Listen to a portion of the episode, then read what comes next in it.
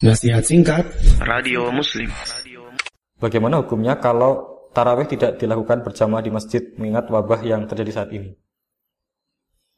Baik, bagaimana hukumnya ketika tarawih tidak dilakukan berjamaah di masjid? Sholat tarawih sendiri hukumnya sunnah. Sehingga eh, dan dia bukan termasuk sholat yang persyaratannya harus dilakukan secara eh, berjamaah di masjid.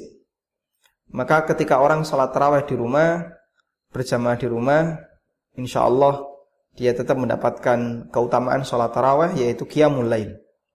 Keutamaannya sebagaimana disebutkan oleh Nabi sallallahu alaihi wasallam dalam hadis riwayat Bukhari Muslim, "Man qama ramadhana imanan wa ihtisaban, ghufira lahu ma taqaddama min dambi."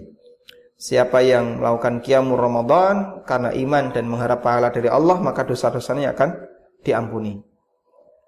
Sehingga ketika orang terawih di rumah, insya Allah uh, dia tetap mendapatkan pahala dari sholat taraweh.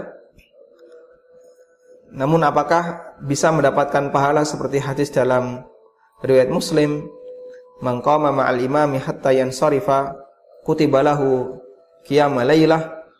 Siapa yang terawih bersama imam sampai selesai maka dia mendapatkan pahala semalam suntuk. Apakah dapat pahala ini? Wallahu alam saya tidak tahu.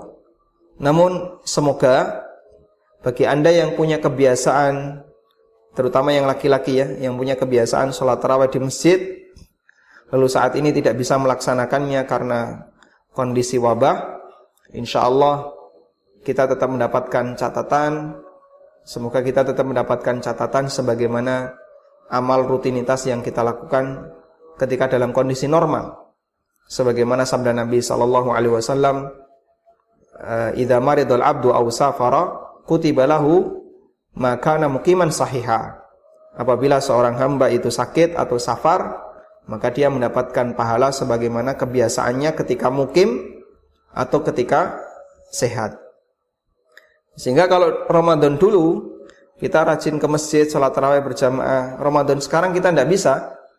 Semoga kita tetap mendapatkan pahalanya karena kita tidak sholat jamaah terawih di masjid sebabnya bukan karena malas tapi karena keadaan. Wallahu taala alam